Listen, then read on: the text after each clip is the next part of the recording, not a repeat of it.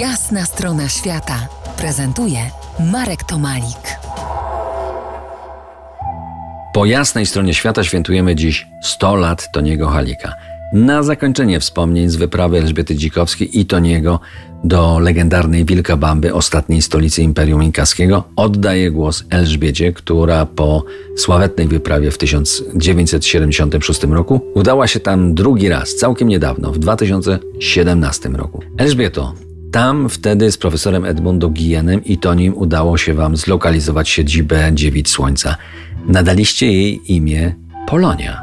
E, Tak, tak. Edmundo Guillen nazwał właśnie tak pozostałości owego w cudzysłowie klasztoru, tak. Ale znaleźliśmy też y, świątynię słońca z takim wiecznym kamieniem ogromnym, tak. No i ślady wodociągów, ale wszystko było zarośnięte, bardzo trudne do odkrycia. Mieszkali gdzieś tam, gdzieś w kurnej chacie, śpiąc na jakiejś pryczy.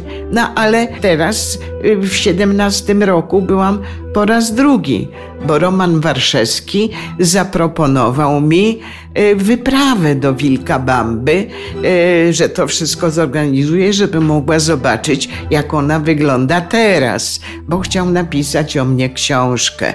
No, ja mu uległam z powodu Wilkabamby, ale i dlatego, że jako szesnastolatek z Elbląga napisał do mnie list, że chce rozszyfrować pismo Rongorongo. Ja wówczas pracowałam w kontynentach, więc mnie zainteresował ten chłopczyka, teraz już e, dorosły mężczyzna, który właśnie chciał z, z, zrobić moją biografię. Ja nie uważam, że jestem tam legendarna, jak tam jest na wtedy podróżniczka. Ja żyję, nie jestem żadnym pomnikiem. No ale już jak jest ta książka, to niech będzie. Pojechaliśmy, teraz ta podróż trwała tylko dwa dni, jeepem, kucharz z nami jechał, po, po drodze tam trzeba było coś jeść, a nie było. Tak mieszkaliśmy już znacznie wygodniej i te wszystkie stanowiska archeologiczne były, były odsłonięte, można było bez przeszkód zrobić zdjęcia.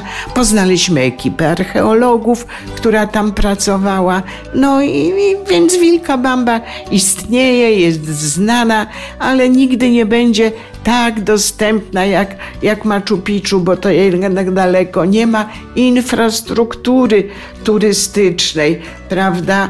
Więc może niech Wilka Bamba zachowa sobie trochę tego zaszłego uroku. Jest szansa, że zachowa.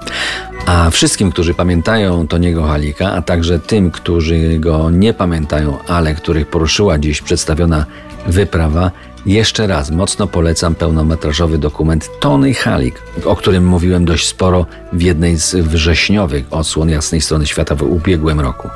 Odsyłam do podstrony Jasnej Strony Świata witryny RMF Classic. To była jasna strona świata w RMF Classic.